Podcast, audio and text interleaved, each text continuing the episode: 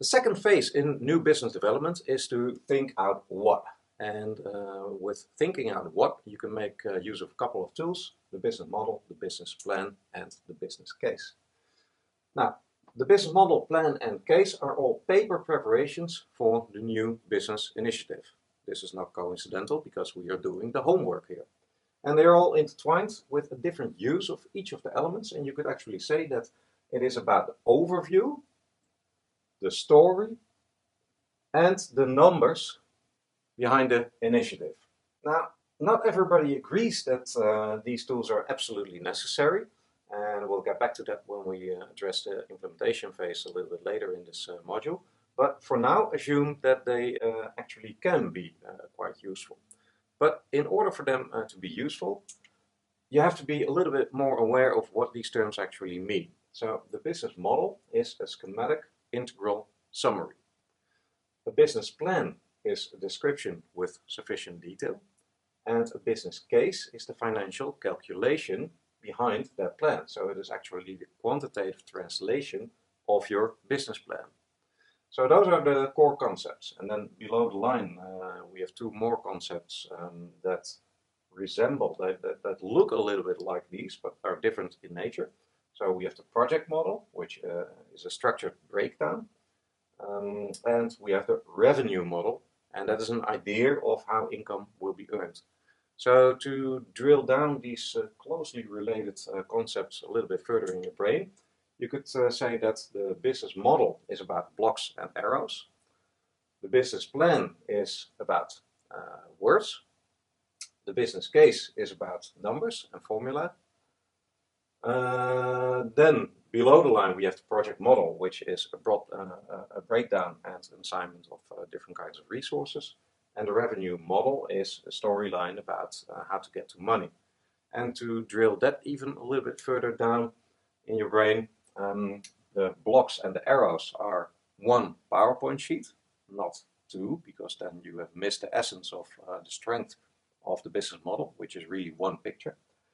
The business plan, that is a Word document of, depending on the complexity of the case, anywhere between 10 and 20 uh, pages.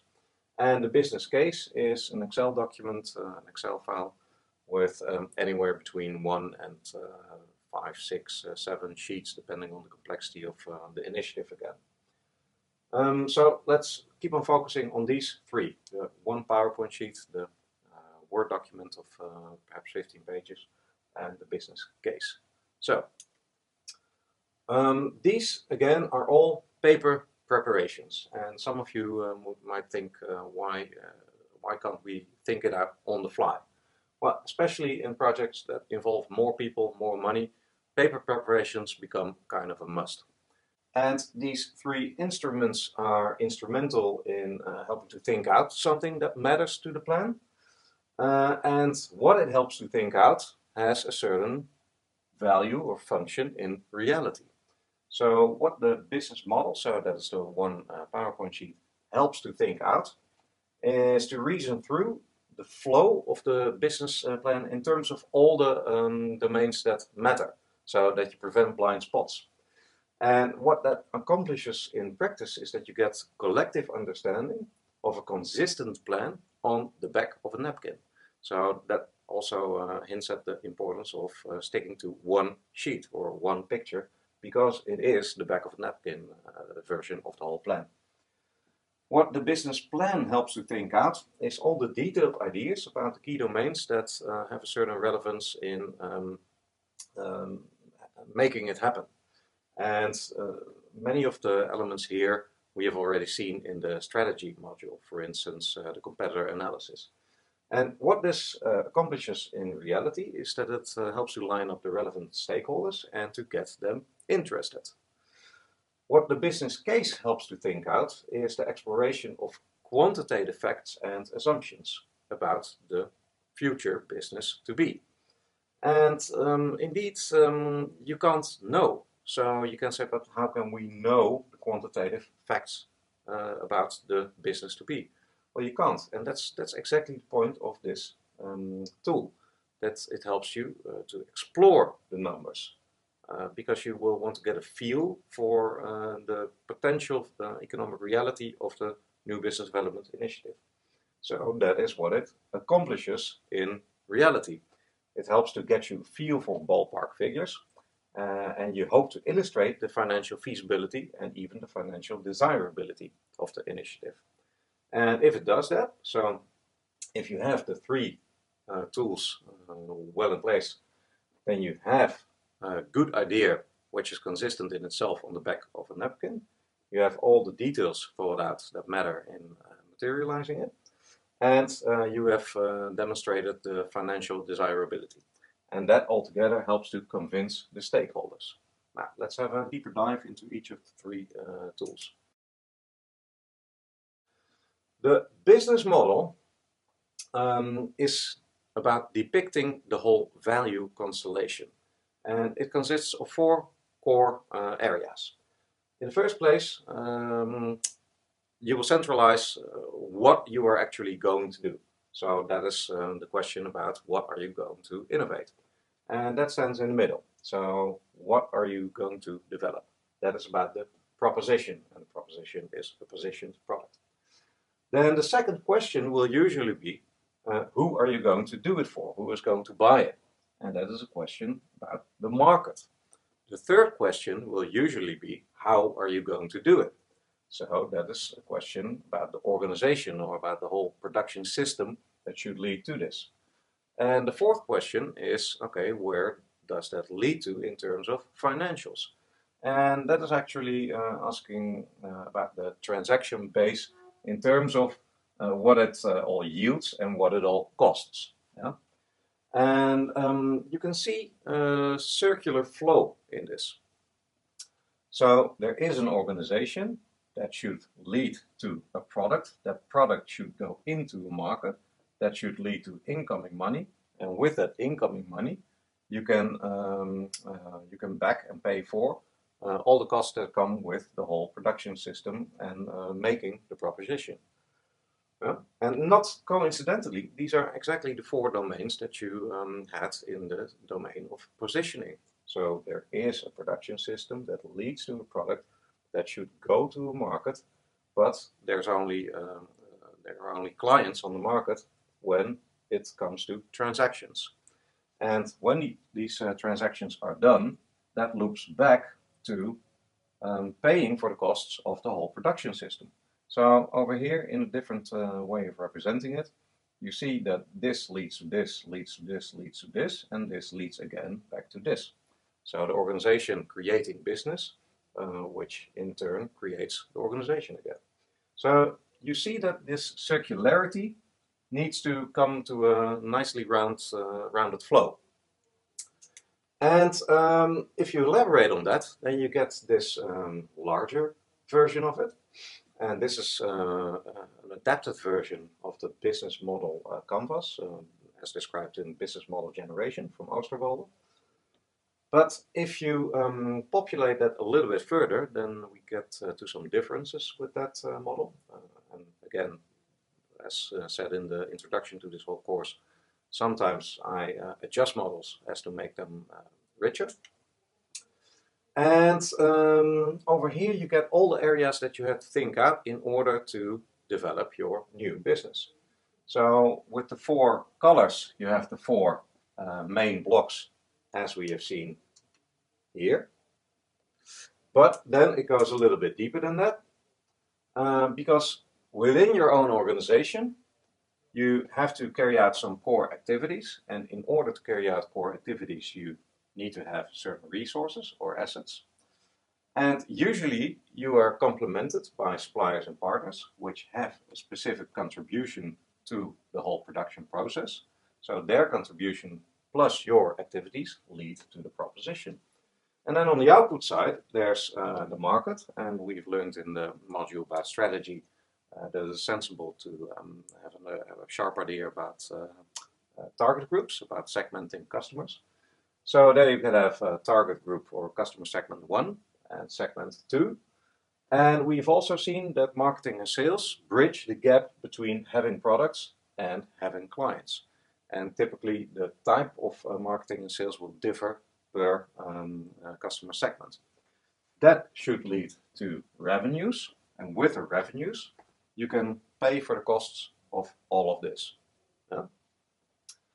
Um, and in this picture, you can see all the elements back that we have seen in the strategy module.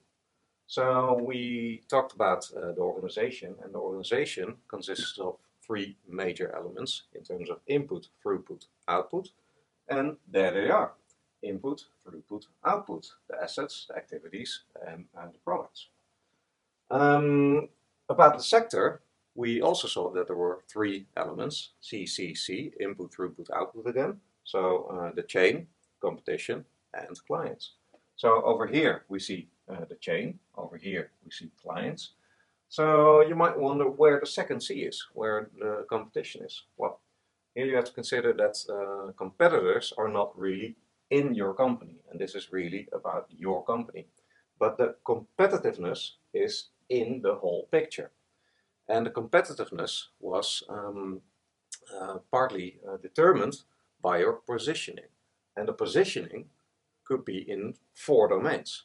It could be finding advantages in your production system, advantages in your product or in your proposition, advantages in your market approach, or advantages in the uh, way you uh, offer things, in the attractiveness of the transaction itself. So uh, in this uh, basic grid, you can find all those elements back uh, in one picture and intertwined in a, a concise way. Now, if you um, are working on new business development, then this is the grid that uh, you need to think out and that must reason through in a nicely rounded way. So if you fill that in, for instance, for a company that everybody knows, then we can have a look at Google. And the core proposition of Google is to find whatever you are looking for on the internet within fractions of seconds. Now, if we look at their markets, then they have actually only two major uh, client segments. And the one is internet users. So uh, those are uh, people who want to find things on internet. And the second target group is parties that want to be found by them. Yeah? So this is a really, really, really big group, but it doesn't need to be more specific than that. And this is again a really big group, but um, also uh, it's not necessary to specify that any further. So how do they relate to the internet users? Well, they do that by offering a very good service for free. They keep that very simple and they uh, gain sympathy. The way that they relate to the parties that want to be found is by giving trial ad budget. Um, they give effectivity tips. They provide you with uh, result data and you can even have some support. So they have really compelling ways of connecting to these market segments. Now, what do they have to have in place in their production system in order to deliver on the promise of finding whatever you're looking for within fractions of seconds? Well, their own activities are that they need to do um, uh, research and development uh, in new types of products. So that you can not only uh, search for texts, but also for, for instance, images or for videos. then they also need to work on smart search for research. So that's research and development on uh, smart search, so that um, the results get ever more relevant and that uh, the results even differ um, uh, for people with um, different search profiles, even though the word is the same. So if somebody, for instance, uh, types in capital, then uh, someone who is interested in uh, geology uh, should get different results from the person who works in um, uh, corporate venturing, for instance. So in, in those different areas, the word capital have different meanings. So then the results should also uh, differ. And I need to work on uh, marketing and uh, PR, public relations. And in order to do, to do that, they, their resources are, in this case, uh, mostly human resources, so they need to have the best possible technological and uh, commercial uh, staff. And they need to build on their brand value and keep on leveraging that. Yeah. Now, how do they get complemented in the sphere of partners and suppliers? Well, there's a party called Keyhole, which you probably never heard of, but that's um, brought them Google Earth, which you have heard of. So first they were partnering, later they acquired it. Then there is Grand Central, which brought them Google Voice. You probably never heard of those because uh, by now also um, they have acquired them. Uh, YouTube brought them content and audience. First it was partner and then they acquired it. Then there's uh, America Online, which uh, brought them the technology for video search. Uh, they haven't acquired those uh, yet, but who knows uh, what is to come. So this is not even exhaustive, pretty far from, but these are recognizable examples. And with these um, contributions, together with their own core activities, they deliver on the promise uh, of finding whatever you're looking for on the internet within fractions of seconds. Now, uh, all of that within the market leads to revenues uh, in the form of AdWords and AdSense, which are their uh, dominant uh, cash cows. But obviously, they have done their uh, portfolio analysis and they don't want to rely on that till infinity. So they are trying to develop new business as well. So you have something like Google Business, and well, they're working on making that uh, a new star. So it's not as attractive as uh, the other um, uh, revenue uh, sources for them, but at least they are working on it. And they're still getting pretty rich with that, and so they can pay for all the high budgets in research and development, in marketing, and in people development. So there you have it.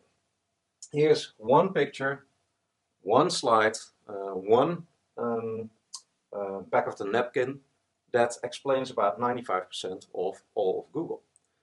And uh, switching back to you, when you are going to do new business development, you are not here because this is uh, very conveniently uh, filled in uh, back of the napkin where everything really closely relates and reasons through. But you are here. But the value of this picture is that it prevents a lot of potential blind spots. So if you were focusing initially only on the innovation, then you can now see that uh, you would have been missing a lot of uh, things to think out as well. Now, since the model suggests that all the separate chunks uh, should be tightly interrelated, this uh, can increase your awareness uh, and helps uh, to sharpen your value proposition. Or in other words, it can uh, help you to um, uh, sharpen the value proposition design. And in value proposition design, as uh, Alexander Osterwalder again calls this, three questions are vital. And the first is about your product. So which pains does it take away or which gains does it bring? It is about the market, uh, so your client segments, which needs and worries do they have? And the third question is, uh, how can we how can you make or design a tighter match? And the design part about that is that you have all the influence uh, that you want on your uh, product, so you can build uh, build in more gains to uh, give to the market or stronger relief of pains, and you can design your own um, customer segmentation in the sense that you choose who your customer is. So you have to find out um, who are the ones having the needs and the worries. So you need to pinpoint the personas or the niches that um, are really susceptible to your thing. And you have to find the marketing and sales. So, for instance, uh, the typical kind of wording of uh, campaigns that typically relate to uh, that uh, segment. So that's all uh, design part about establishing closer connections between the product, the clients, and the way you make the fit with them. So that's a different kind of use of the business model compared uh, to the earlier use of uh, filling in uh, the blanks. And in a comparable way, the business model can do a number of things for you. So what we've already seen is that it helps you uh, think out um, uh, all the major elements that uh, play a role in your initiative. You can also um, assess consistency of the separate pieces because we've seen that they should uh, fit closely together. Um, I won't touch upon all of them, but one last one.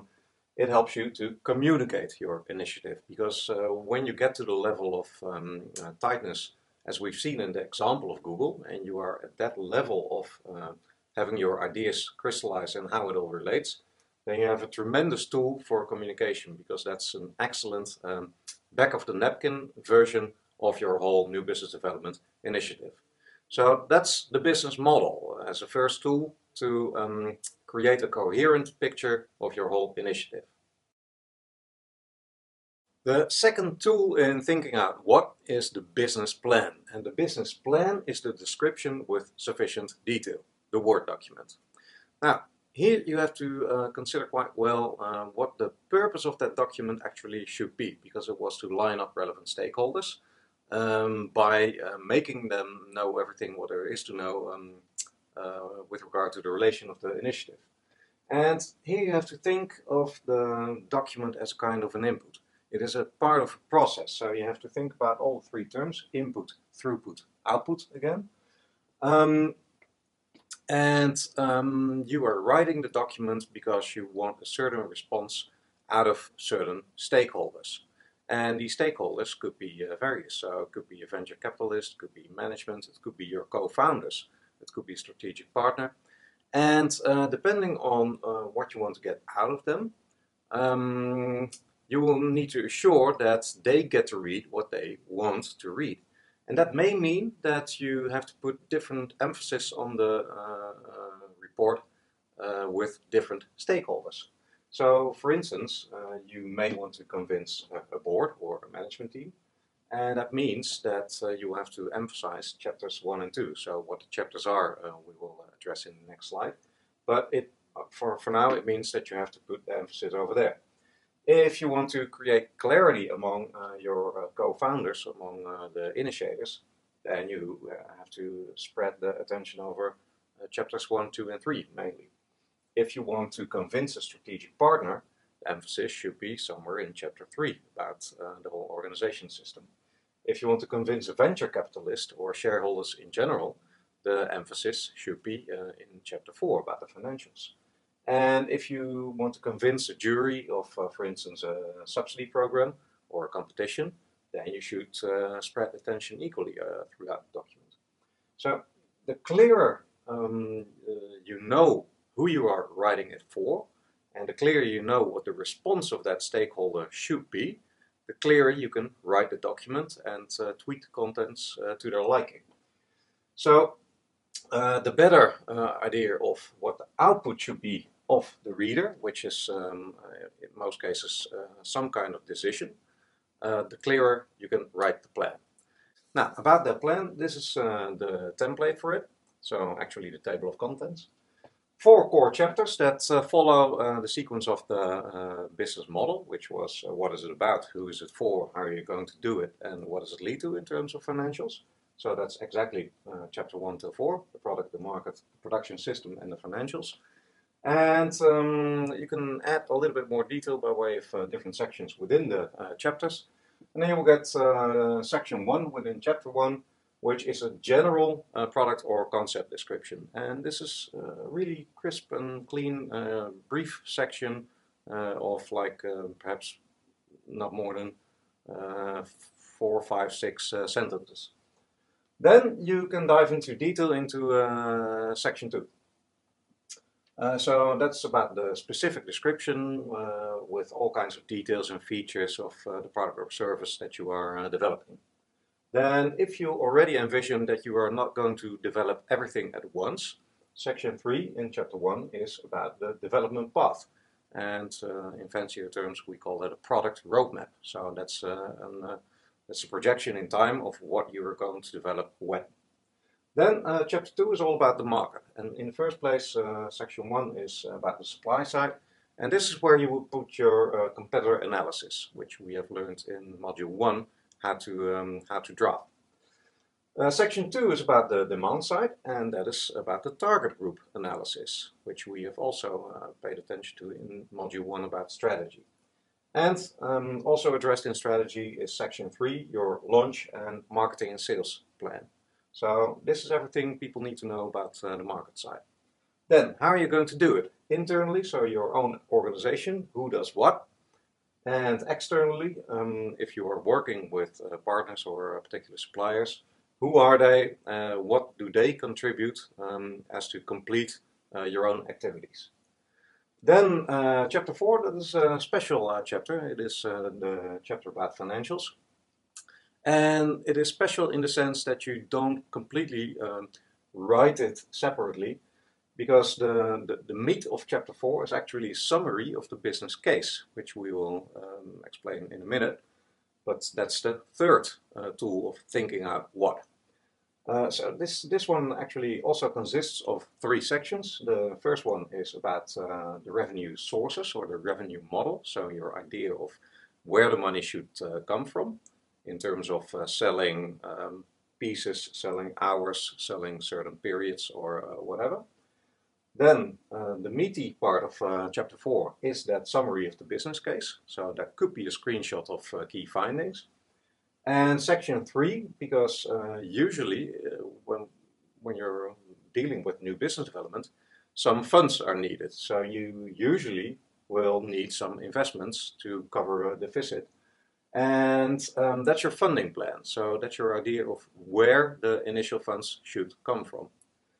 Um, So this is the core of these uh, four chapters. And then you sandwich the uh, business plan by way of uh, a closing and an opening chapter. The closing chapter is the realization uh, chapter.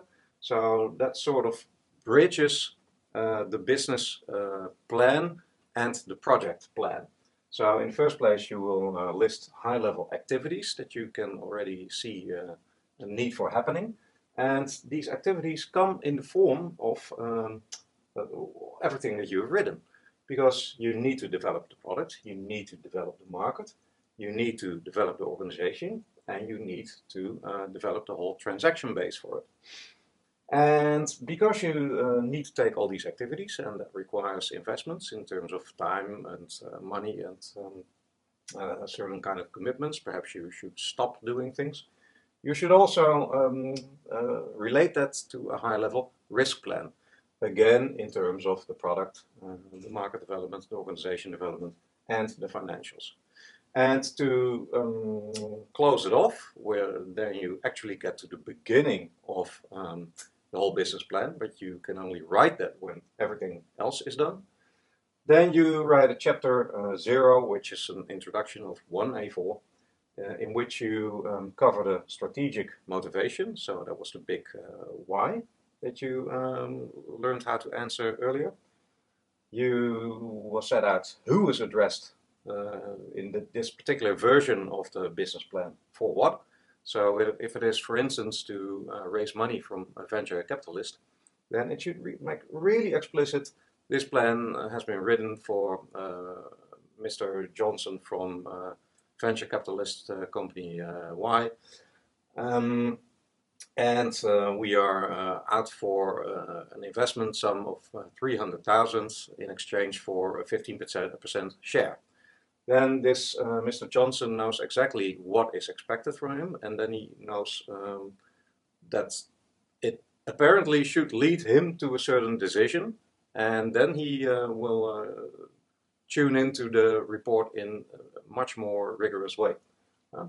And you will write a summary of the plan in terms of what you're going, uh, what you're going to develop, uh, which market it should uh, land in, um, how you're going to organize it, and what it will lead to in terms of financials uh, in projection scope of a couple of years. That also depends uh, on the scope of the whole project.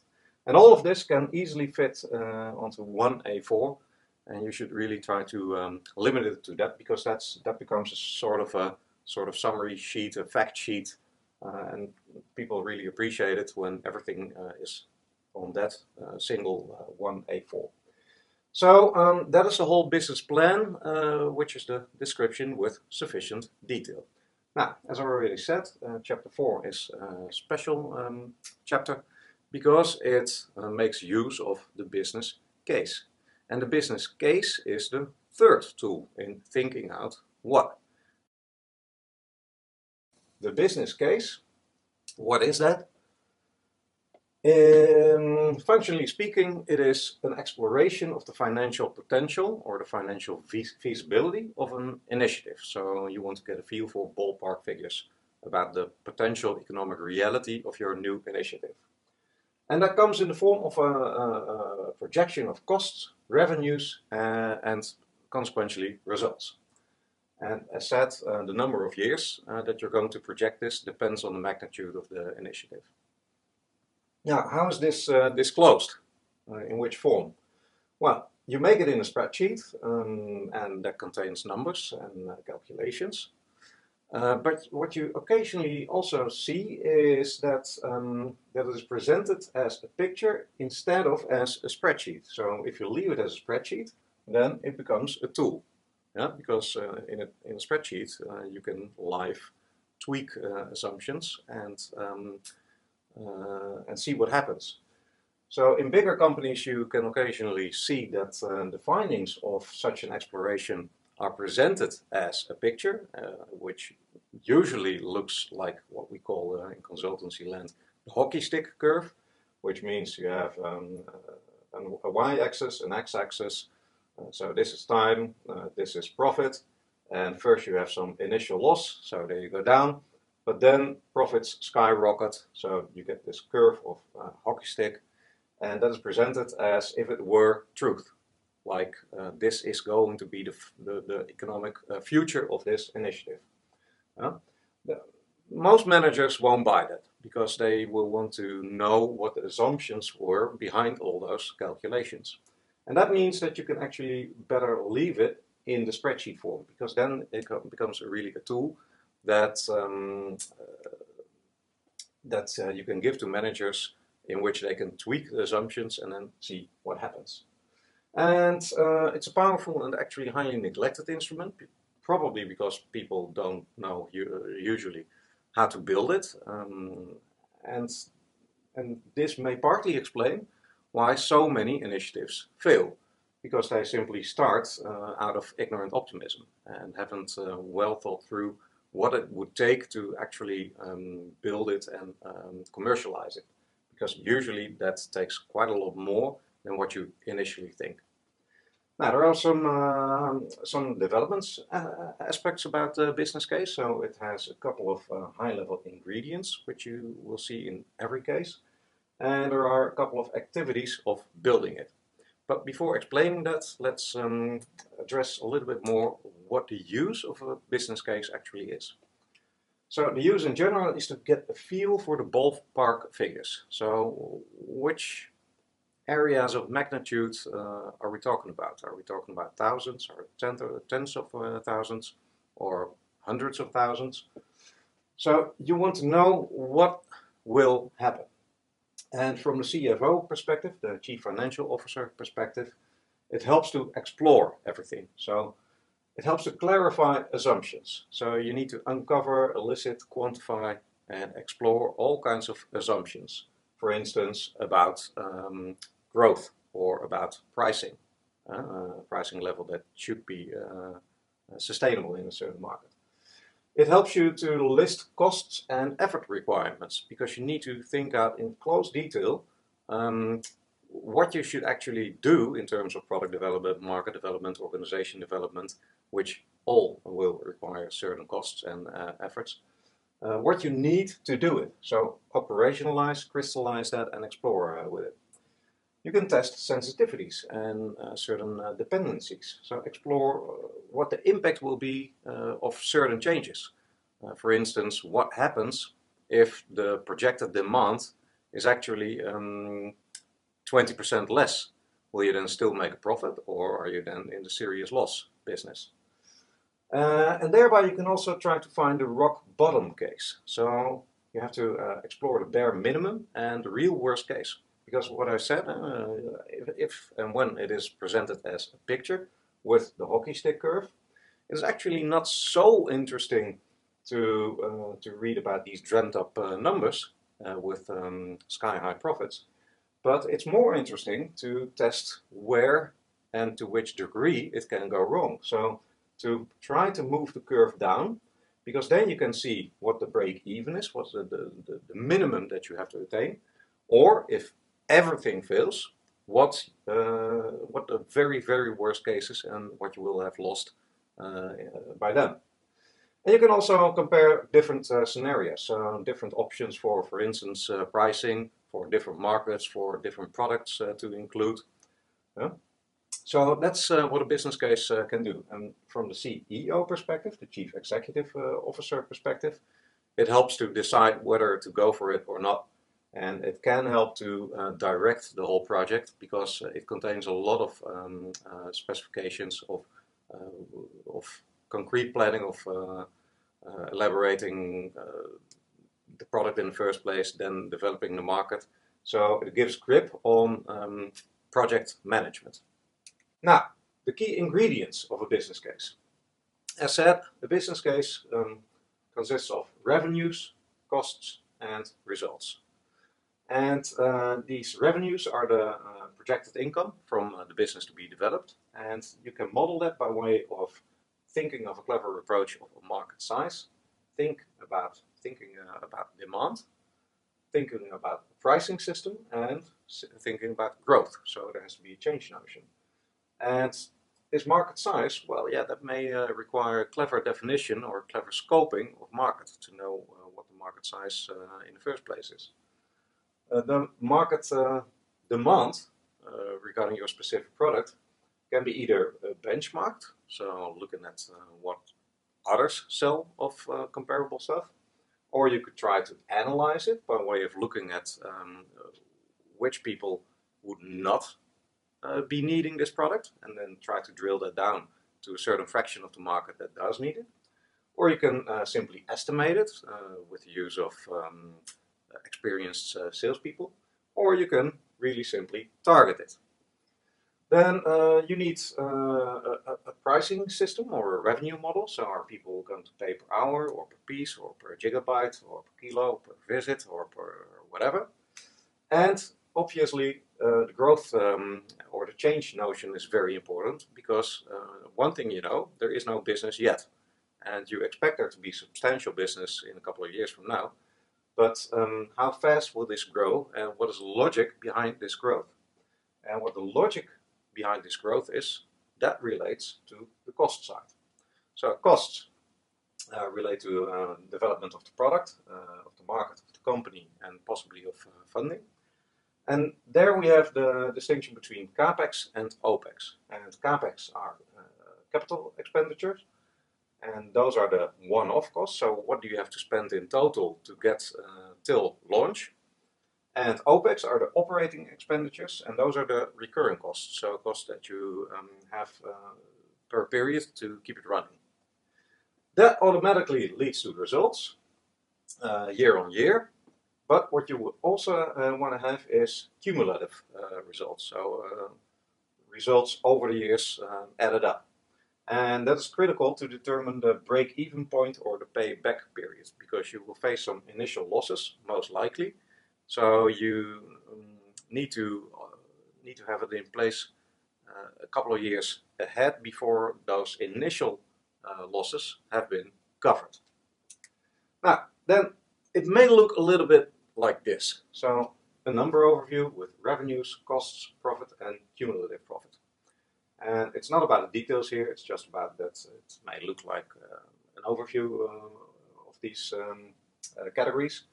And over here, uh, you can, for instance, see the difference between uh, profit and cumulative uh, profit, because um, in this uh, case, you start uh, writing positive numbers in year four, and you may be tempted to, um, to be happy straight away, like, hey, okay, we're making a profit.